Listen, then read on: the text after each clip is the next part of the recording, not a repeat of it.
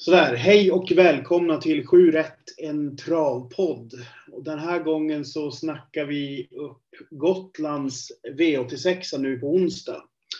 Och det är jag, Travburman, som kommer hålla i V86 regelbundet. Och så den här veckan så har jag med mig Marco. Hur är läget? Jo, det är bra. Det är semester sista veckan och nej, vi är på Öland så. Perfekt, så då är du extra påläst när du inte har något jobb att förhålla dig till. nej, det är motsatt effekt. Jag ja. åker på utflykter och det ena och andra. Men nej, ja, det är kul. Det. Ja. Nej, vi har en jättespännande omgång eh, framför oss eh, på Visby. personligen så har det här varit en av de svåraste omgångarna på förhand att plugga till som jag har gjort på ett tag eh, faktiskt. Vi har en jätteintressant intervju med Henrik Hoffman som har 11 hästar till start. Och han är väl, ehm, kan man väl säga, Gotlands eh, starke man när det gäller tränare där nere. Så att eh, det är inte så konstigt att han har många hästar till start. Den intervjun är 25 minuter lång och där, där går vi då igenom eh, alla hans hästar till start. Och han berättar även vad som är bra att känna till på banan, eller angående banan där.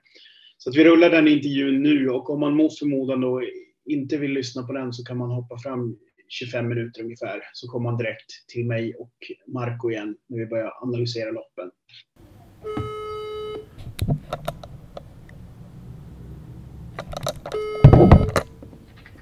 Rick? Ja, men tjenare. Det här var Joel från 7 rätten travpodd. Tjenare. 7 rätt är ju inget bra när vi har V86. Nej, precis, precis. Det är, det är, inte jag som har startat podden. Det är ett par andra grabbar. Men jag kör V86-delen så jag får lägga på ett rätt när jag kör. Ja, bra. Mm. Det låter bra det. Men du, fan skitspännande och kul att du hade tid att vara med här i och med att du har så många hästar ute i start. Ja, Nej, det är jätteroligt såklart. Och både vara med men att ha så många hästar ute. Vi har, har vi V86 böjd också. Så, ja. Du, jag tänkte också, i och med att du nu är eh, superkunnig på, på Gotland så tänkte jag börja. Vad, vad tycker du liksom är viktigt med eh, att känna till om banan? Ja, men det är ju, det är ju en väldigt speciell bana. Eh, så sett att den är ju, det är ju väldigt, eh, det är väldigt långa kurvor. Och ja. eh, ganska, ganska kort rakare framförallt och väldigt kort upplopp. Ja. Så att det, det, gäller, det gäller ju oftast att man, eh, ja, man ska ligga bra till egentligen eh, sista, sista halvvarvet. Det är ganska svårt om man inte har ja, med det framme, det är 500 kvar. Det är oftast ganska svårt att hinna och, och ta någonting ja. på patettestarna så att säga. Och liksom, så det är liksom, ja. Och sen är det, nu är det V86 då det är Andik Oskar, men när det är så är det ju många som, som kör, ja, för fullt egentligen i, i början. Det är ju ganska ofta överprisade lopp på Visby och det, det, jag tror inte att det är något jätteundantag den här gången heller, för det är ju ganska mycket ja, Hemmak Oskar som kör och sådär i alla fall. Ja. Så det, det är ju väldigt speciellt, speciell körning på, på Gotland, det, det måste jag ändå säga. Ja. Så, så det, det är ju ändå en fördel att kört här ganska mycket för att man ska komma, komma rätt på det. Då. Absolut. Jag har, ju, jag har ju snabbkollat lite i lopparkivet nu innan i förberedelse. Och då måste jag ändå säga att jag, jag är ändå överraskad över hur, hur pass mycket det händer på upploppet med tanke på hur kort det är. Ja, precis. För det, det känns ju inte det... som Hagmyren direkt. Nej. Men det är ju ändå som jag säger att det, det är ju ändå, du behöver ju vara mer hyfsat i främre träffen ja. för att, eh, att du ska kunna räcka till. Alltså, det, visst, det finns en del som har tur och han får invändiga lopp och får luckor till slut så sett. Men som sagt, de, de flesta kör vad, vad som går här helt enkelt. Ja. Det låter spännande. Det men det, det är kul när... Det är kul. Lite, an, lite annorlunda trav här ja, på andra ställen. Grymt. Vi går in på loppen då. I avdelning 1 där. Då har du ut tre Mistens Napoleon. Och det här är ju en häst som jag eh, minns ganska väl. För jag spikade den här för två år sedan på samma tävlingsdag när den var jättefin. Men sen dess har den ju knappt gått ut någonting. Vad är det som har hänt där egentligen? Nej, han var ju precis som du säger, han var ju eh, eh, otroligt fin då för två år sedan. Han eh, vann ju ett sånt där rikstoto-försök den här V86-dagen och var ju otroligt bländande fin. Sen så åkte vi till eh, finalerna på Åby och eh, var ju tvåa där och jag gjorde väldigt bra lopp också. Sen började det bli lite bekymmer, men han var ju trots allt med. Vi var på V75 på Färjestad och var tvåa där också. Och sen var vi med i Montesem och var tvåa på, på Åby också mm. så att säga. Men sen Sen stötte vi på eh, bekymmer med honom. För det första så har vi tjänat jäkligt mycket pengar på kort tid. Ja. Så att säga så. Så att han hade väl ja, det är lite svårt att bära dem också, men samtidigt så var det, så var det lite småskada hit och dit och, och jag hade problem med bakben ett tag och lite så fram och tillbaka. Och sen har det varit jäkla svårt att, att få igång honom igen efter det helt enkelt. Va? Men, eh, vi, vi känner väl att eh, det är dags att, att prova igen, men man kan inte begära att han ska vara på på topp ännu, så att säga. Va? Så, men han känns i alla fall jättefin i träningen så sätt. Ja. Förutsättningarna är ju egentligen helt perfekta med Sport 3 bakom bilen 1600 auto. Han står ju grymt bra in i loppet också. Va? Men som sagt, jag ja. tror ändå att han får, får svårt att räcka till vinst i comebacken. Så, så ja, just det. Jag såg att han var ute i ett monterlopp också. Ja, det blev ju bara fiasko. Okej. Okay. Han, han var ju bara, han var lite krånglig i volten och sen galopperade och så tappade ju precis allting. Ja. Så, så, så ja, det, det loppet har vi glömt. Ja. ja, men kul att se honom tillbaks på banan igen. Det är en häst som jag absolut eh, liksom minns med goda minnen. Ja, han har ju faktiskt också otroligt bra V86-statistik. Han har ju vunnit två gånger, två år faktiskt. Mm han, var, han var fyra år vann han också ett lopp på V86 den här ja. dagen. Så att, där ser man. Sen i avdelning två. Då har du ut Carl May Bucco från springspår på tillägg där. Och så som jag ser det så gick han ut i ett liknande läge sist. Men då var det bara tre på framvolten så då kom han väldigt lätt till ledning. Precis. Han, han det, det, blev ju en helt kanonstart den gången. Ja. För, för han, det finns väl alla anledningar till att det blir det även nu, men som sagt, nu är det fler hästar som står start och lite bättre hästar så att han ska nå, nå spets lika enkelt. För han satt ju faktiskt i ledningen nästan mm. efter 200 meter sista, så det var ju otroligt eh, häftig öppning. Ja. Men det, det var väl så här också att det var, var väl kanske lite för bra, eller det kanske gick lite för fort också, för han fick ju lite, lite mjölksyra till slut. Va? Men ja. samtidigt så har ju hästen gjort nu två lopp efter lång lång frånvaro så att säga. Så att han, han bör väl ha gått framåt ytterligare med, med före loppet också i kroppen. För att han, han var ju ändå ganska bra och han fick ju stryk av en, en, en ganska fin häst också. Så det, det var ingen, ingen skam över det. Han, han gick en bra tid och en bra prestation och eh, känns fortsatt jättefin efter loppet också. Så att, eh, nog tror jag i alla fall på en, en plats bland de tre igen. Det tycker jag att det finns inom, inom Ja, spännande. Kanske tufft att vinna ändå så att säga så från det här ja. Men nej, det blir kul att se. Sen i tredje, och här, här ska jag testa en teori med dig. Här, jag, för jag upptäckte nämligen att i de loppen där du har anmält mer än en häst. Då har du i tre av loppen har du fått startspår bredvid varann. Och jag har sett andra tränare reagera på det här. Att när de anmäler mer än en häst att de ofta hamnar bredvid varann. Är det någonting du har reagerat över? Nej, det har jag faktiskt inte alls tänkt på. Det var konstigt. För de säger ju att det ska vara helt slumpmässigt. Och nu jag är inte tillräckligt matematiskt kunnig för att förstå sånt här. Nej. För att i ett av voltloppen så är det ju bara fem hästar på start. Och då är det ju inte så konstigt att du får två bredvid varandra. Men, men i det här fallet när det är 12 hästar så. Så jag tyckte ja. bara att det var lite så här konspirationsaktigt när jag hörde två andra tränare klaga på att de nästan alltid fick spår bredvid varandra när de anmälde mer än en häst. Men, men när du säger det så har jag tänkt på det också faktiskt lite grann. Att det, att det är så ibland. Nu när du säger det. Ja. Jag vet ju som jag vet som Thomas Jonsson hade anmält tre hästar hit en gång och de hade också typ, han hade fått så typ 10, 11, 12 eller något. det var just det, för jag reagerade också. André Eklund hade det på V75 bara för några veckor sedan också. Ja. Ja. ja det, jag får gräva lite i det där. Men... Ja, I alla fall, i avdelning 3 då, då är det ett, ett kortlopp, autostart. Och där har du 9 Ed Sheeran och 10 Queen on Road till start. Eh, mm. jag tyckte Ed Sheeran såg ju jättefin ut sist, men kroknade kanske lite mot slutet där. Alltså grejen var den att vi, vi hade en, en annan häst i det loppet som Mikael Ednen som vi trodde skulle bli riktigt svårslagen. Ja. Som hade varit otroligt bra i två raka segrar. Så att eh, jag tror så här att Petter som körde Ed kände väl sen att han, eh, att han körde fel. Fel med han. Ja. han. Han sa det, han, han la liksom krutet på bort och långsidan för att försöka trycka, trycka sönder min andra häst där. Mm.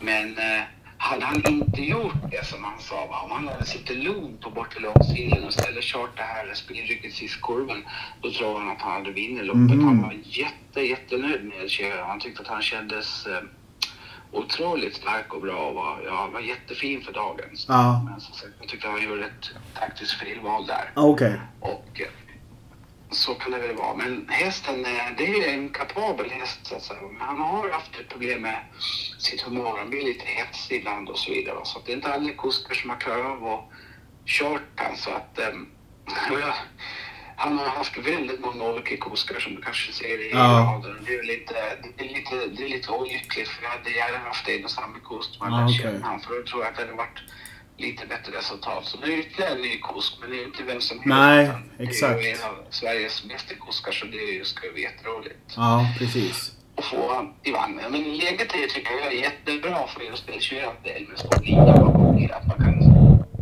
behöver inte vara framme med vingen helt upp utan han kan ja, bygga igång lite försiktigt och sådär och sen så kan han nog välja att köra lite när han vill helt enkelt. Så, så. Mm.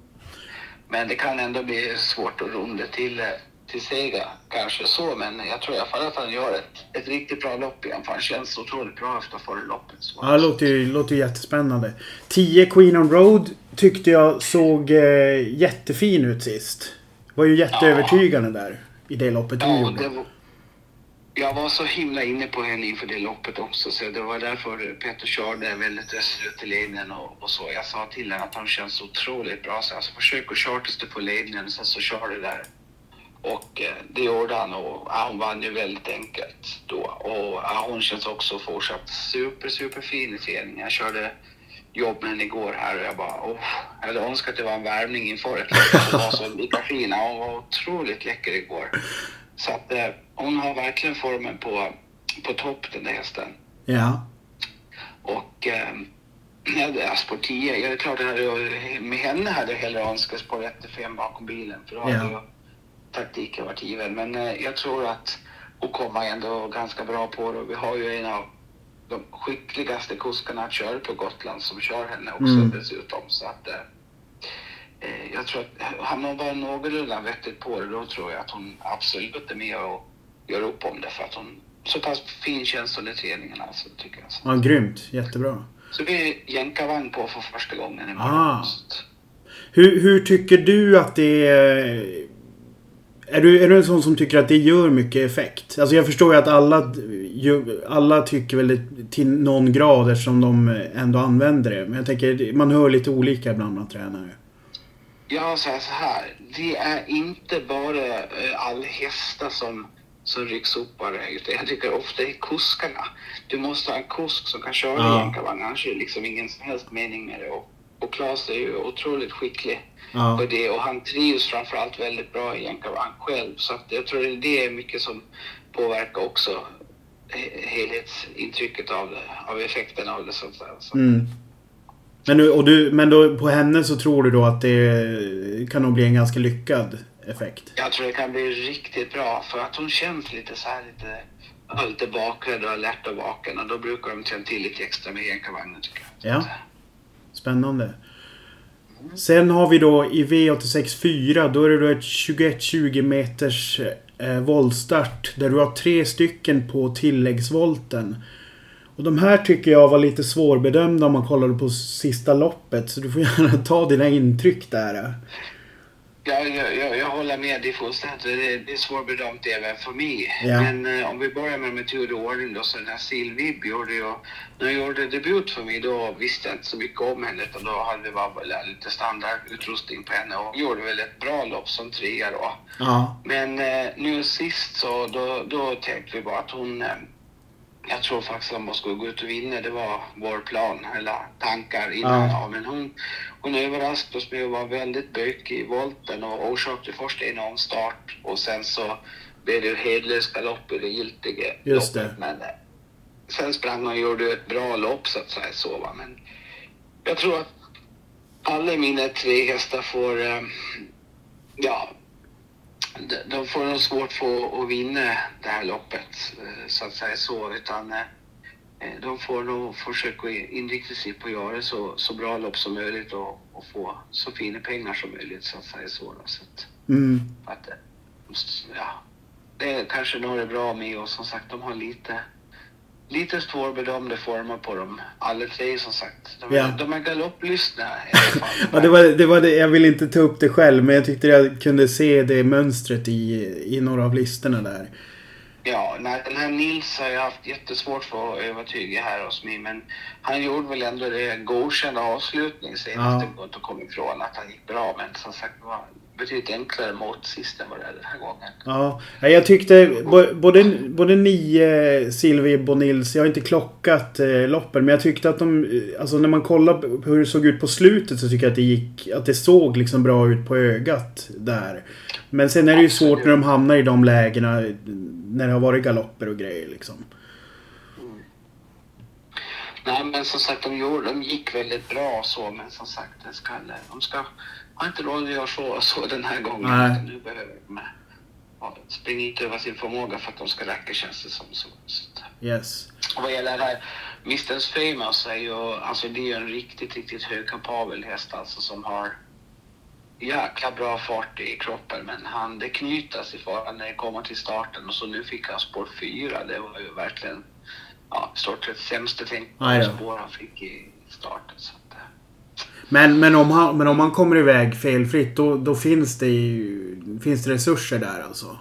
Åh gud ja, alltså hade han, hade han gått felfritt, men det är ju väldigt långt dit. Men skulle han mot all förmodan ja. göra det så har han absolut fart för att vinna ett sånt här lopp. Ja, Okej. Okay. Ja men det är, det är sånt, sånt är alltid intressant. Ja, men hade han fått något annat spår än 4 ja. 5 Ja, det var ju synd. Det var ju synd. men sen också, det, det, är svårt att bedöma för nu är det så otroligt lite omsatt. Så jag vet inte vad procenten landar på heller. Men, men en sån där är ju skitintressant om, om den stannar lågt liksom. Så det får man ju hålla koll på. Yes. Sen kommer vi till avdelning 5 här. Där det är ett 21-20 meters auto. Här tycker jag det känns jätteintressant häst. Nummer 7 Green Hills Rocco. Han, har ju varit, ja. han, var ju ute i en liknande spårtrappa senast. Och var ju hur fin som helst. Han ser ut att kunna göra mycket själv också. Ja, ja, ja. ja det är en, en jäkla fin häst verkligen alltså. Ja. Jag, eh, kände direkt när han kom till mig här och jag körde första träningsjobbet. Jag kom in och sa till, till en sambo som sköt om och sa Fan vilken kanonhäst vi har fått. Så det här var en riktig jäkla kanon. Jag förstår jag tänkte så här, vad, vad, varför har han liksom inte vunnit mer än ett lopp i sitt liv? Eh, så kände jag. Så tänkte jag, måste vara någonting som inte stämmer när, när tävlingen, att det knytas till faran eller så va. Men eh, jag kände när jag värmde inför första loppet också, då tänkte jag, men gud, han är ju lika fin nu. Det, det är en kanon, tänkte jag. Och eh, ja, han har verkligen inte gjort mig besviken. Han har ju varit eh, jättefin. Han har vunnit med tossarna kvar och kraftar kvar både, både lopp han har gjort för mig. Då, så att, eh, det är klart att jag är väldigt optimistisk inför den här uppgiften mm. igen. Ja, nej, men det förstår jag. Läge, det ser ju liksom bra ut på läget och i och med att han har vunnit från samma... Nu, nu var han väl i och för sig nedstruken ett tack sist, så det var väl inte... Eller nej... Jo, eller nej? Det kanske han inte ja, var? Nej, men han, han kom bra på det. Men jag som... Jag liksom försöker analysera de här hästarna som är innanför, men de har jag mest koncentrerat mig på. Jag ser ingen som... Jag, jag har svårt att tro att någon innanför kan vara snabbare ja. än han, så att säga. Ja. Så, och framförallt ingen av dem som tar emot han. Nej. Eh, när han kommer. Så att de, de hästarna som är de bästa hästarna har ju betydligt sämre lägen än ja. vad vi har. Så ja. Att, ja, spännande. Nej, jag tycker faktiskt det ska vara en, en riktigt bra chans, måste jag säga. Ja, kul.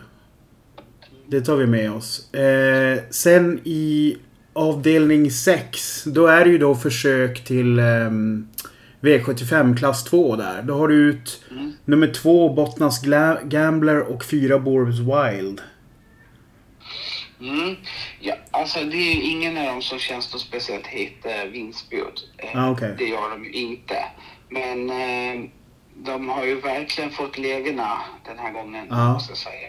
Jäkla tur med det, för att Borups, nej vad säger jag, vad heter det, först Bottnas Gambler, han, han behöver ju gå på innerspår. Det är en liten drommel som Ja. alltid st- ställer till det först han hamnar i andra spår. Men går han på innerspår och så, då brukar han gå hela vägen och, och, och kämpa på. Mm. Så att eh, det är väl eh, förhoppningsvis han kan göra det nu också, ta ledning kanske och sen släpper då till någon till någon bra häst. Så, då tror jag att han springer med hela vägen in så att säga och kan i alla fall tjäna en fin slant. Men att vinna har vi inte någon som helst funderingar på så sätt. Men han, han, han är så pass startsnabb så han skulle kunna liksom vara med och kunna släppa till någon bra alltså. Ja, absolut. Ja. Eh, sen Bo, Borups Wild, där ser det ut som att det är första gången någonsin med barfota och amerikansk vagn va? Det stämmer helt rätt. Jag kände det att han, han har springit likadant i alla starter för mig. Ja. Eller, ja, så jag fick honom för ett år sedan. Järnskor runt om och vanlig vagn och så vidare. Men nu känner vi att vi ja, behöver växla upp lite grann när det handlar om de här pengarna och så. Mm. Så då, då testar vi att köra barfota runt om. Och jag, har, jag provade det i träningen och det fungerar jättebra. Så jag hoppas och tror att jag ska göra det nu när det blir lopp också. Eh, såklart att det inte blir för mycket med och så. Men annars det är det är egentligen en kapabel häst som jag har ja, sikte på länge med att om det skulle bli ett pass två försök där vill jag ha med henne det. Ja, men sen är det ju som det var på räls allting va. Men det började bra i som vann i lopp i början på sommaren och var väldigt övertygande och fin och så vidare. Men sen när han hamnade, när han hamnar lite snett, snett på det och hamnade långt bak och så vidare. Då känns det som att han inte alls har liksom varken tagit i eller varit Okej. ja, så intresserad av att vara med och, springa så att säga. Så, så han, det känns som att han trivs bäst när han är i främre träffen och Mm. eh, det lär med största sannolikhet hamna här i alla fall. Så, så att, Ja. jag hoppas att, att han gör ett bra lopp och kanske ja, med lite flyt kan vara tre, fyra, femma någonstans. Ja. Så, då. Det är, ju, det är ju ganska... Man märker ju att det är ett V75-försök. Det är ju några fastlandshästar som är med här som Ja, det är ju det som har ju lite annan hårdhet Mm. än vad vi har. Så, Yes. Sen i sjunde då har du ut i Steyerloppet så har du ut nummer tre Amarcord LG. Och han såg ju skitfin ut i senaste starten. Ja, det är en otroligt fin häst verkligen alltså. Ehm, och det här loppet har jag ju haft i sikte Ja. ja, hela året höll jag på att säga. eh, han lever verkligen på sin styrka den hästen och eh, var tidigare ganska hetsig i loppen och stökte till det för sig ganska mycket. Men han har verkligen eh, hittat sig själv nu på slutet. Så att eh, han har varit otroligt lugn och fin i loppen och ja, hanterar det mesta så att säga så. Och eh, han är ju urstark den här herren. Och eh, så det, därför ska det bli superspännande att, prova på den här distansen. Men det tror jag passar han som handsken helt enkelt. Och spåret det blir ju nästan bästa tänkbara med spår, ja, spår två på tillägg så att säga. Mm. Att han är i, i andra spår. För han är ingen eh, snabbstartare utan han, han lever bara på sin styrka så. Men ligger i alla fall i andra spår och kan nu förhoppningsvis få så många som möjligt bakom sig i starten i alla fall så att säga. Någon, någon finns det alltid som är snabbare att springa om honom, men i, i det stora hela så tror jag att han kommer hamna bra på det och som sagt, ja, det ska bli riktigt spännande men eh, jag tror verkligen att han ska kunna vara med och, och kriga om segern i det här loppet alltså. Ja, spännande. Är det Amarcord och Greenholds Rocco som du håller som eh, Ja, bästa det är de chanser? två som absolut är de, de hetaste Ja. så att, Spännande. Hur är, i, I lopp två har du ju två stycken ut också. Jag tänker de som har, sysslar med vinnar och platsspel och kombo och sånt. Är de, är de intressanta där? Supersol och Nej. fina stäm. Supersola, Supersola var ju jäkligt fin i två raka segrar och var ju framförallt riktigt bra i tredje starten. Men sen var hon ju inte riktigt, eh, ja, har ju inte varit lika fin i de här två senaste loppen. Mhm. Eh, jag vet inte, inte varför. Det finns ingenting som jag kan liksom peka på att det här är, ja, Så jag tror bara att det är en treåring som är lite ojämn så. För att hon var väldigt bronstig här vid loppen. Ja. Så att det satte vi ner henne och så. Va? Men eh, nu har hon eh, var riktigt fin i fredagsjobbet här faktiskt. Så pigg och glad igen. Så jag tror att hon är, är på gång. Men eh, jag tror absolut inte att hon slår Jarledins häst till exempel. Det verkar vara en Ja, just det. kanonhäst. Mm. Men vi har i alla fall, eh, vi står i alla fall väldigt bra inne på pengarna i det här loppet. Mm. Och hemmaplan och sådär så. Så, så långt är det ju bra. Ja. Men eh, finaste M, hon, hon, hon eh, får, får vä- väl, väldigt svårt utan det får, det är fina pengar så att säga oavsett om man bara tar sig runt. Så Ja. det är det vi får, får sikta in oss på med henne då. Så att, Ja, men vad bra. mm. Eh, stort tack! Kanoninfo. Eh, är, det, är det något du tycker att jag borde ha frågat som jag inte har frågat? Nej, du har varit superduktig. Ja, vad bra. fråga så att, Ja, vad kul att höra. Ja, Kul! ja nej, men jag vill tacka, tacka så jättemycket att du tog dig tid och så önskar lycka till på onsdag. Kör så lycka. Jajamän. Mm. Ja, Hej, hej. fint. Hej, hej. Sådär. Eh, ja, jätteintressant snack med, med Henrik som eh, alltid har påställt när det kommer till Gotlands eh, tävlingarna. Eh, vi börjar direkt här då med eh, avdelning 1. Som väl är ett kortlopp. Ett aut- autokortlopp. Eh, vad tycker du om inledningen? Ja, eh, det är en bra favorit. Eh, 56 procent tycker jag är den högsta procenten. Här har jag en, en skräll jag vill lyfta fram som eh, jag tycker är underspelad till 5 procent. Barfota runt om, den nummer tre, Mrs Napoleon. Inte startat på länge, men det är Claes Sjöström eh, upp. Eh, det tycker jag är plus. Det är hemmabana. Eh, har gått bra på balansen tidigare, även fast det var länge sedan. Sen eh, varningen blev väl eh, 12 Alfa Romeo Way Home också. 3 procent eh, kan vara värt ett streck, men det är ju kortdistans och inte det bästa spåret. Men till den procenten med Örjan i sulken så kanske det är tre streck jag tar. Vad säger du då? Har du spik på tvåan, favoriten? Nej, absolut inte. Alltså jag, jag tycker det här loppet sätter eh, tonen för omgången lite grann. Att eh, det är, eh, det är liksom svårlöst. Sen är det så här, vi spelar in så pass tidigt nu. Det här är måndag morgon så att eh, det är nästan det är väldigt lite omsatt. Så att eh, sträcken kommer ju förändra sig extremt mycket. Men jag tycker, jag tycker tonen för inledningen av omgången är att det är väldigt många alltså, hästarna känns inte riktigt som att de har super självförtroende. Det är mycket så här hästar som inte har vunnit på länge och så. De bästa hästarna har dåliga lägen och så. Jag tycker att i första omgången så tycker jag nog att den hästen som har bäst kapacitet för dagen bör vara I'll find my way home nummer 12.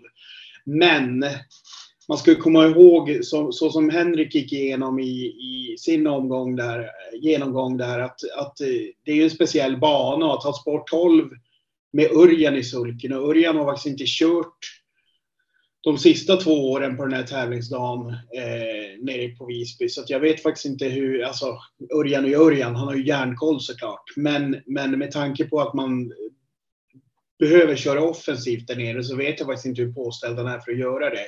Jag tycker det är bästa hästen kapacitetmässigt. Sen håller jag med dig. Nummer tre, Mistens Napoleon, den gick vi igenom jag och Henrik och det är ju en eh, personlig favorit. Jag spikade honom för två år sedan på den här tävlingsdagen.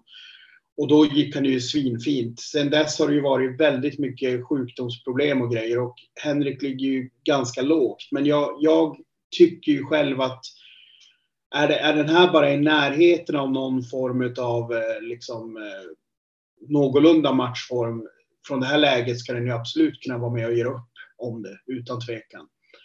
Ehm, så att de två är väl absolut tidigast för mig. Men det här, det här är lite grann ett ta ställning, ta ställning eller gardera på. För smäller, smäller det i början så är det ju extremt lönsamt. Och annars kan man ju försöka ta betalt på det. Men eh, de två hästarna är tidiga. Sen avdelning två, då är det då 21-20 voltstart. Ganska orutinerade hästar. De har tjänat 10 000 till 175 000 och så är det ett 20 meters tillägg på 70 000.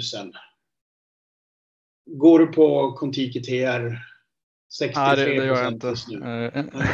Först och främst vill jag med spetshästen, ettan Makian Decato. Eh, han får nog bestämma ett, ett bra tag.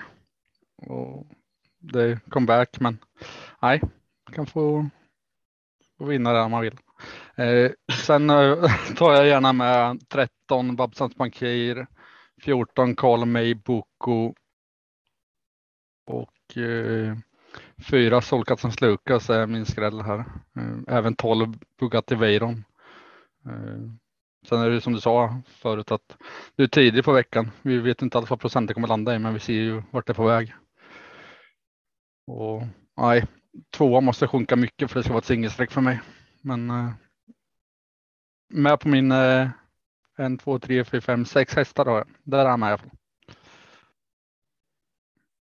Du då? Har du gått rakt ut? Nej, absolut inte. Jag, så, som dig så har jag eh, ett Mackan som eh, första häst. Och det här är väl en tänkbar, tycker jag. För det, för det, så, så, så som den här proppen är utskriven så tror jag det är fördelaktigt att stå, stå på den främre, främre volten.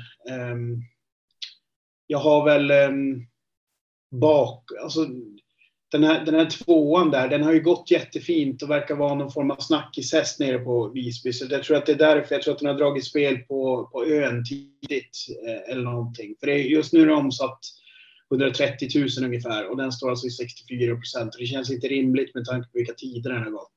Eh, nu, är, nu är den ju van att gå på Visby. Det, den här macken, jag vet inte om den har, eh, någonsin har gått där. Det kanske de inte har. Så det, är, det är en speciell bana att komma på. Men här har åtminstone Örjan bra läge att komma ifrån. Eh, fint och jag tror inte att den där behöver gå i ledningen heller. Skulle han tappa ledningen så är inte det hela världen. Men jag tror att den kommer ha god chans att sitta i spets eller bli släppt i ledningen. Bakom där så är det väl några på tilläggsvolten. Jag tycker 14 Karl May Boko var intressant. Eh, men där var det ju Henrik Henrik var väl, eh, han var väl lite superpåställd där och eh, för, förra, loppet den hade så var det ju faktiskt exakt samma upplägg. Att den hade springspår på tillägg då också. Men då var det ju, då var det ju, mycket, då var det bara tre hästar på start. Så han kom ju till ledning väldigt enkelt. Så att det loppet ser ju enklare ut än vad det här är. På det sättet. Sen Babsons Bankir, som du sa där, den, eh, där säger tränaren att de räknar med att de går ner i klass. Jag var inte på den här supertidigt när den var när det var skrik på den på V75. Det är klart att det här är ju ett, ett annat eh, motstånd än det. Eh, sen har vi då Bugatti Veyron har jag också. Eh, för det, det, är liksom en häst som gör bra resultat hela tiden. Eh, sen är det svårt att sätta in motståndet eftersom det är, eh, det är en Kalmarhäst. Men ehm, eller ja, den har Kalmar som hemmabana, men sista fem starterna har den gått nere, nere på Visby. Men i den konkurrensen så håller den ju bra. Liksom. Men eh, det är samma, min inställning är samma som i första loppet här. Att eh, tar jag ställning så gör jag det för nummer ett, Macan Degato. Eh, och hoppas på det bästa. Eller så får man sträcka på ordentligt. För då kan det smälla som fan. Sen har vi V63 till kortlopp, autostart 1620 hästar som har tjänat 25 till 125 000.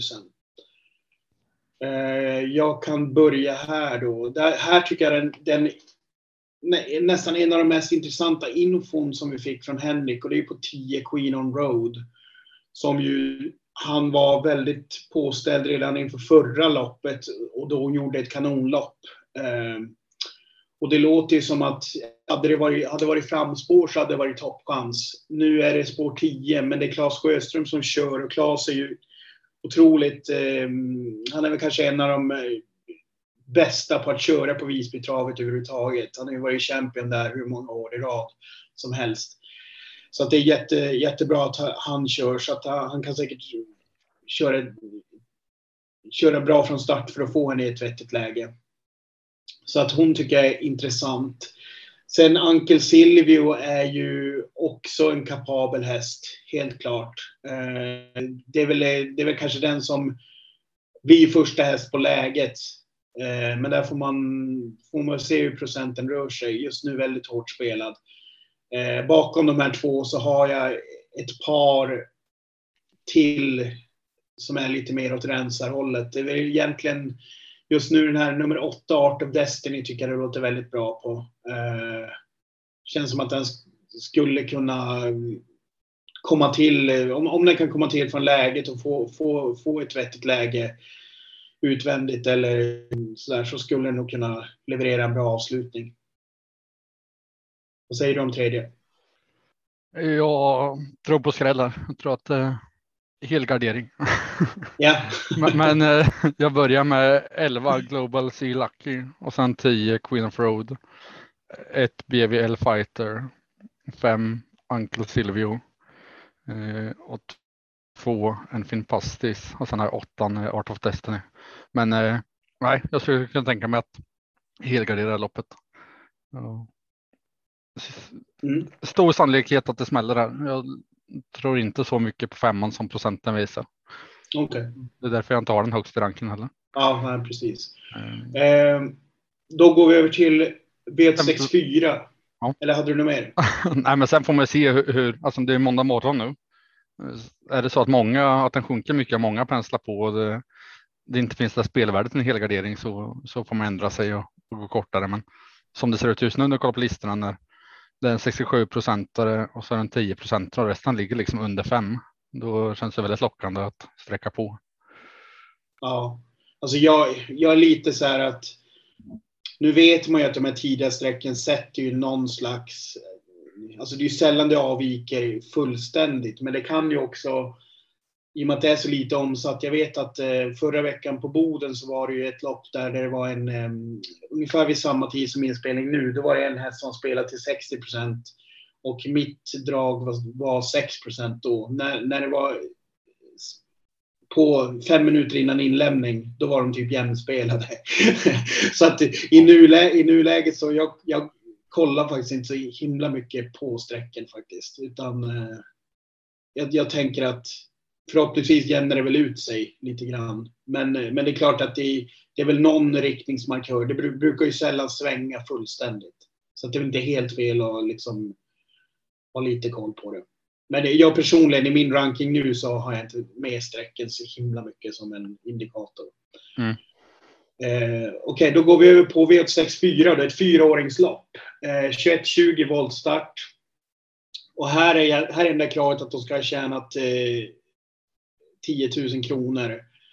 Eh, och så sen är det olika tillägg här, så ett voltlopp. Eh, så det är 20 meters tillägg på 100 000, 40 vid 150 000 och 60 vid 625 000. Så det här är väldigt klassskillnad i... Eh, ja, jag, jag kan ju börja då. Vad de ja. Eh, jag fick en uppgift av det innan eh, inspelningen här, innan ja. analyserna, att jag skulle hitta en chansspik. Eller vad kallar du det mm. för? Du kallar det för? En lo Losec-spik. Exakt. Eh, och den har jag här. Ja. Eh, och det, det är 15 Donizetti. Och det är mycket som, som, som är jobbigt för den här hästen. Det är 60 meters tillägg och det konkurrenter som kommer vara i vägen och nej, helt klart bästa hästen och skulle kunna vara en riktig chanspik. Så ja, där har du den. Ja, nej, men, ja, nej, men det, jag, det är väl en intressant häst, absolut. Jag, jag tycker faktiskt att det, det, här med att stå ensam på ett tillägg bakom andra, det tycker inte jag är så jävla dåligt egentligen. För att de meterna som man förlorar på att stå själv och liksom ha en helt egen volt, det tycker jag nästan gynnar. Speciellt om det blir omstarter. Därför att en häst som står så där långt bak och det blir en massa omstarter, de andra kommer ju bränna mycket mer krut. Eh, så att jag tycker i, i det här läget så tycker jag nog snarare att det kanske skulle kunna vara en fördel. Eh, alltså klart, Icon Meras är alltså en bra häst, så den är inte så jävla kul att behöva ta 20 meter på. Men eh, jag tycker inte nödvändigtvis det behöver vara så jävla dumt att stå själv på ett tillägg faktiskt. Nej, då, då ändrar jag från en chanspik till en bombspik då. exakt. Exakt. Ja, har man den först i ranken så. Alltså jag, för mig är det lite så här att jag, jag eh, står och väger mellan Icon Meras och Donizetti som första häst här. Jag, jag håller med dig. Donizetti är den som har um, kanske visat lite mer, tycker jag. Men han har ju också tjänat mest pengar av den anledningen. Samtidigt så tycker jag att Icon Meras är eh, är också en jättekapabel häst. Eh, Dock är det ju lite, jag, jag tycker att Svante Båths hästar inte riktigt eh, har gått så bra liksom, på ett tag nu. Eh, här, här är ju den, den extrema, alltså eh, Henrik var ju väldigt eh, mycket om sig och kring sig. Så att den, det, här, det här ska man ju ta med, eh, liksom om, om, man garderar på här och tar typ sig fyra eller fem streck. Alltså, för det, det, känns ju som att någon av de tilläggshästarna, det är ganska stor chans att någon av dem eh, kommer vinna i slutändan. Men väljer man att sträcka på och man liksom tar fyra, fem streck då, då är ju Mistelns Famous den absolut intressantaste eh, utav Henriks tre hästar i det här loppet. Med 66 procent i galopp, galoppprocent. Ja, precis. Det är därför, det är därför alltså du, du ska inte ta den om du bara tar tre hästar exempelvis. Men börjar du sträcka på, därför att grejen är så här, om den mot alla jävla odds går felfritt eh, liksom i loppet, så har den en ruggig kapacitet. Så att det, det är liksom en eh, potentiell liksom, superrensare. Speciellt om den här håller sig lågt. Det pratade jag med honom i intervjun också. Så att, eh, gardera, garderar man på så tycker jag att den, den är liksom intressant på typ fem streck. Eh, beroende på hur lågt spelad den är. Blir den spelad till 10 procent, då är den ju inte det. För då är, då är ju, alltså, det är för stor galopprisk helt enkelt. Men, men om det är så att den skulle gå iväg felfritt när den står på en halv procent, då, då vill man inte ja. åka på den. Liksom. Eh, sen, sen har jag Young Limit tycker jag är intressant och så tycker jag eh, Amaro Surprise är intressant på startvolten och Mythical Rock. Men det är väl ett, det är väl återigen ett lopp, antingen tar man ställning eller så får man gardera på. Ja, men Mr Famous, han vann ju senast han vann så var det ett år sedan. Första tävlingen i augusti, så det kanske är dags igen. Ja, men alltså, han, han, det, det, det är på inget sätt ett klart tecken, utan det är, alltså, jag väljer att lyfta fram den därför att i intervjun så, så är det ju han som till slut tar upp det också. Mm. Eh, för att jag själv, jag, jag säger ju till honom att jag tycker det är svårt att bedöma hans tre hästar och så pratar vi på lite grann och jag är beredd att gå vidare och helt plötsligt tar han upp att Mr Famous är den som har högst kapacitet vid felfritt. Mm. Eh, sen, sen den bedömningen, huruvida den kommer gå felfritt eller inte. Så om, om man säger så här, jag, om, jag nu, om jag nu ska lyfta fram, eh, nu spoilar vi våra drag här, men min superskräll är väl Mr Famous kan jag säga. så, då, då går vi på avdelning 5. Eh, 2120 autostart spårtrappa. Eh, och då kan jag börja och då, då är väl det här svårt, svårt det här är väl någon form av spiksförslag från mitt håll och det är ju nummer sju Green Hills Rocco som jag tycker såg svinfin ut senast på liknande förutsättningar som också var en spårtrappa där han också hade spår 7 och det var samma distans. Eh, så att liksom bara på det så känns det som att det, liksom, det borde kunna gå lika bra igen. Eh, och det lät ju som att Henrik faktiskt hade kollat på lite grann vad, eh, hur det ser ut på in, innanför honom. Och han tyckte ju själv att eh, liksom, det känns inte som att det är så många som ska kunna strida mot honom. De värsta motbuden är ju de som står på bakom. Och det är, det är, när det är spårtrappa, spårtrappa blir det ju så. De har ju tjänat mer pengar, så de har ju förtjänat sin plats och stå längre bak. Eh, den som absolut först emot tycker jag är Global Classified. Eh, dock, tycker dock det är lite mm, minus när det är Mattias som kör själv. Han är absolut en duktig kusk för att vara huvudsakligen tränare. Men jag tycker det är lite intressantare när någon av brorsorna eller någon annan kör hans hästar. Det blir lilla minuset. Och som det åtta Rob the Bank som ju är relativt låg på sträckan nu då. Väldigt lite omsatt då, men det, det känns som att den kommer väl stiga en hel del. Vad säger du? Ja, jag tror med den kommer stiga. Rob the Bank är min första häst här. Ja. Mm, och sen har jag Green Hills Rocco. Sen har jag nummer 14 Niras Donatello som är tredje streck och mitt fjärde streck blir Global Classified. Och så tänker jag att jag stannar där. Ja. Skönt med ett lopp där man inte behöver spränga banken. det behövdes. ja. Sen har vi V86.6. Det är då ett eh, V75-försök, klass 2. Eh, där det är då finaler på Solvalla i september. Här är det ju en del, eh, här märker man att det är eh, V75-försök eh, eftersom det är ju en hel del hästar som kommer från fastlandet hit. Så det är ganska det, här, här, känner man spontant att någon av, någon av dem borde väl ta det egentligen. Eh, min första häst är Roll Control eh, från Jörgen Westholm. Beroende på, det kanske, ja, det kanske är, är bästa hästen. Sen, sen har man ju nummer ett där, Red Drum, Kihlström Bredén, eh, som vanligt. Det, det beror ju på hur man hanterar dem. Eh, om man är van att spricka på dem som jag är, då har man en tendens att gardera sådana här lopp bara för att få med dem. Men jag tycker roll control är den tydliga första. Eh, sen tycker jag det var intressant med fyra Borps Wild. Första, första gången både amerikansk vagn och barfota. Tycker jag ändå mm, det är ju intressant, speciellt om den inte blir jättehårt spelad. Henrik var ju inte super uppåt på den, trots de ändringarna. Vad säger du? Ja, jag vandrar fram och tillbaka här. Redrum har väl perfekt läge den här gången. Medan eh, Roll Control är en häst jag verkligen har, gillar och har bra segerchanser med.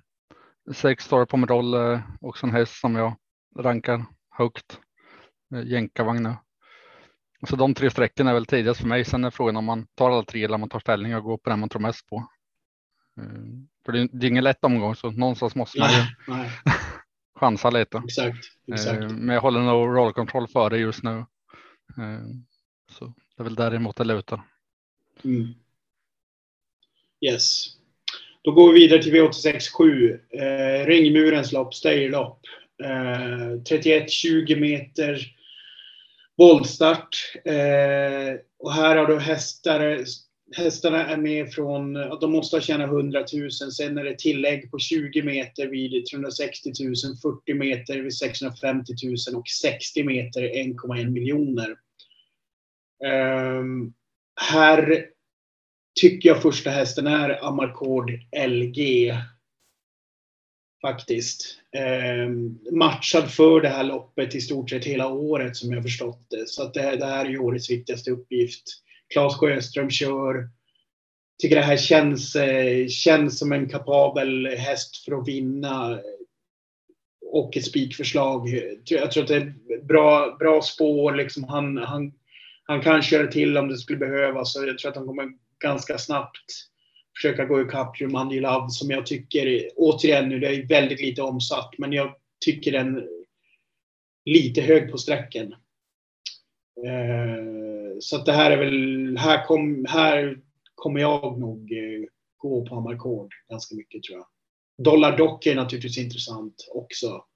Han har ju gått tuffa gäng eh, hela, hela våren och eh, presterat bra. Men jag vet inte fan, ta 20 meter på Amarcord tror jag kanske blir svårt.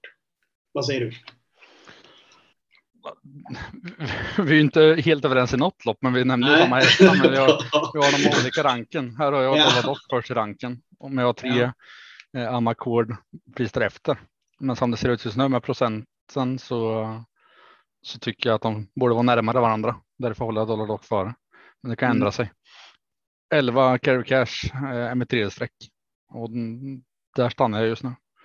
Mm. Ja, just Jag tänkte ta upp honom också. Det, det, är ju jätteintressant. Han har ju nyss kommit till Mattias regi. Mm. Eh, så att det, är, det är en absolut in, intressant häst. Eh. Ja, det, det är långdistans också av volt. Jag menar, det, jag tror inte att det jag tror inte att det är något negativt att starta från spår 11 liksom här. Nej, Eller ja, det, det, är ju, det är ju tillägg så att det är ju inte riktigt eh, spår 11 i den bemärkelsen. Det blir spår 3 Nej. på den volten. Typ. Jo, men jag menar eh, att de startar bakom liksom. Att de ja, kan ha tid att hämta in det. Liksom. Ja, precis, precis. Nej, men det, det, det, håller jag med om. Alltså min, min, min, min känsla är väl att om Amarcord kommer om Amarcord kommer till ledningen och liksom får fuska bort loppet så tror jag han blir svårslagen i slutändan. Men sen håller jag med dig att det, det är sällan, sällan har tilläggsvolterna kanske i, i ett sånt här lopp där det inte är, är liksom Harpers klass, det, då, då, tror jag inte att det kanske spelar hela världen hur långt bak man står. Så att det är klart att Dollar Dock är inte borta liksom. Eh, det är inte. Sen avslutningen då. Eh, åttonde avdelningen, Gotlandslöpningen, 21-20 autostart. Eh, här ska hästarna tjäna minst 475 000 och det är 150 000 i första pris. Så där är väl liksom eh, Eh, limousinerna ska ut och köra. Eh, även för att vara ett sånt lopp så tycker jag att det är förvånansvärt alltså, alltså jag ska inte säga blekt, men det är liksom så här, det är ingen direkt som bara skriker vinnare om utav de här tre. Alltså, den som jag tycker är roligast, sen vet jag inte om det är mitt första streck, det tror jag inte att det är, men det är sju Make the Mark som ju har helt plötsligt visat livsgnista igen. Um, han gick ju jättebra nere i Finland. Jag vet, har, du, har du sett det loppet eller? Nej. Alltså, och så sen har han ju gjort bra lopp innan också, men han vinner ju inte ihjäl sig. Det gör han ju inte. Men eh, jag vet inte. I det här gänget kanske. Missel Hill tycker jag var lite blek på Hagmyren sist. Då var det ju för sig Quarcia show. Hon, hon var ju grym i det loppet. Eh, kom till spets på ett ganska oväntat sätt och körde slut på dem till slut där. Sen Saren, Saren Fass eh, är väl alltid intressant också. Jag vet inte, hur, hur löser du det här? Nej, jag tycker det här är ett svårt lopp. Jag skulle vilja helgardera det här loppet som är. Ja. Eh, jag tycker Maverick Dream är intressant med Lövdal. Mm. Fjärdeplats eh, senast, men sen var det två segrar innan det. det, det en av få hästar som har segrar i raden, vad man kan Exakt. se liksom. Exakt. Eh, men nej, sträcka så mycket man kan. Make the mark tycker jag också är intressant, men frågan är vad, vad kommer sluta på spel procentmässigt. Ja. När det är sånt här lopp liksom och, och det vart, vart svårlöst fram till avdelning åtta så tror jag att det kommer ju letas nöd, nödsträcka liksom. Jagger Dream nummer sex med Claes Sjöström tycker jag är intressant med. Men nej, jag yrkar på att vi helgarderar det här loppet. ja, det skulle, skulle jag, jag håller med dig och det här, det här är ju lite som, som omgången i sin helhet. Alltså att man, som du säger så brukar ju sträcken på slutet bli nödsträck för, för många, även vid relativt enkla omgångar. Så att på den här så kan jag tänka mig att det kommer bli en del överspelade hästar i, i sista. Um, så att det, systembyggnaden är, blir viktig den här gången. Mm. Om, vi, om vi ska ta då eh, sammanfattningsvis, vad, vad är din eh, skräll om, om, om du skulle singla en enda skräll på omgången? Ja, men jag måste säga första. Nu, nu vet vi inte procenten riktigt, men det står 4 procent på tre Missens Napoleon. Ja. Claes Sjöström. Eh, Barfota runt om, hemmabana. Distans som man gillar. Nej, den får jag nog lyfta fram. Yes. Vad har du då? Eh, ja, det blir ju Mistens Famous. Med mm alltså om, om det nu skulle gå felfritt och den eh, liksom eh, bara kämpar ner de här eh, som jag, som jag tror kommer bli, liksom många kommer gå kort, gå kort eller ta ställning på de här tilläggshästarna. Men, men det, den är ju, den är ju liksom, det är väl framförallt sett till, till om den kommer hamna på en viss procent och som sagt. Alltså att det är ganska låg procent. Eh, och vad, vad hade du kört i chans eh, spik? Det var i den omgången, va? Visst var det så? Don, Donizetti, ja. Nummer 15, ja, avdelning 4. Yes. Ja. Eh, om jag då ska sticka ut och ta vad jag tycker är omgångens bästa spik, då får jag väl säga då nummer tre, Amarcord LG. Eh, som, jag då, som jag tror är förberedd på bästa sätt för det här loppet och eh, kommer göra riktigt bra ifrån sig. Eh, ja, det var som du sa, vi var inte helt, eh, helt eh, lika i rank. Eller vi hade, vi hade lite liknande hästar med lite olika ranking. Mm. Så det blir spännande. Men ehm, om man vill köpa andelar av oss, vart gör man det? Går man in på www.atg.se Torsviks Tobak eller så går man in på www.minandel.se Yes. Så kommer det stå där i nyheterna, nytt poddavsnitt av Sjörätten Travpodd och trycker man där så finns våra andelar där under. Perfekt. Eh, då, då har vi snackat klart om omgångar. Jag tänkte köra lite, lite så här. Um, jag, jag tog mig en funderare efter V75-omgången här när det blev lite sena strykningar där.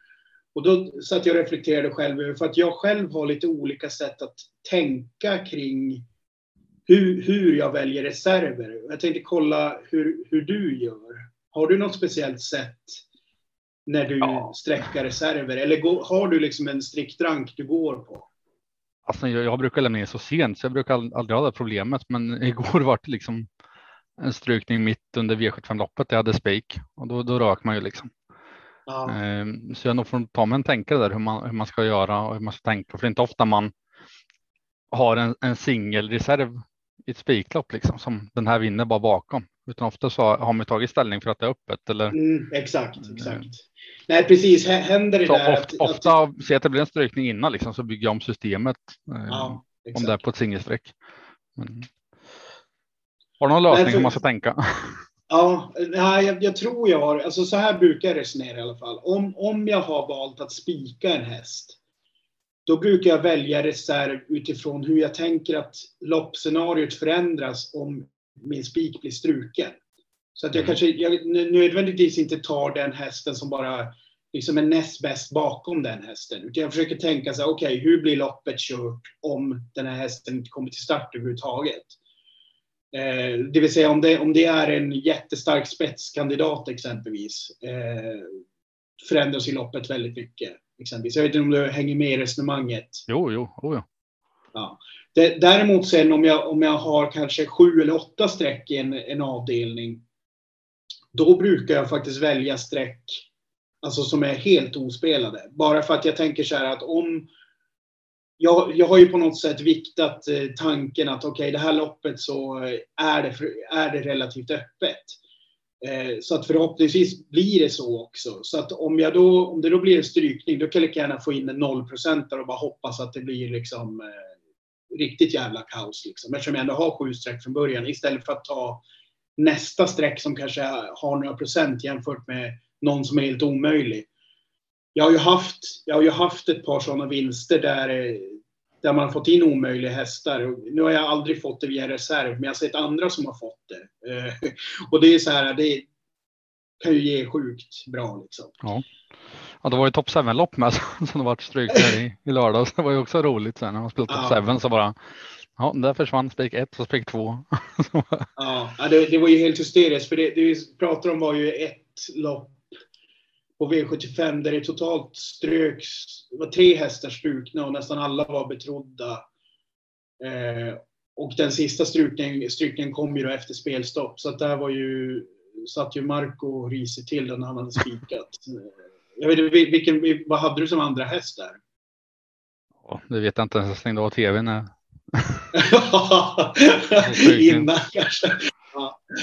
Nej, men så det, det, var lite reservsnack som ni kan ta med er om, om ni tycker vet, det var intressant. Vet du varför han var struken då? Nej. Nej ja, fe, fe, fe, feber tror jag. Eh, det kom uh till sändningen. Så att, men, men jag personligen hade ju tagit ställning emot den. Jag, jag, jag tog ju inte, jag tog varken med eh, eh, Real Scotch eller den här i första som alla blir så arga över när det blir körning mot. Tappar ja, just det. Eh, Highland Pellini va?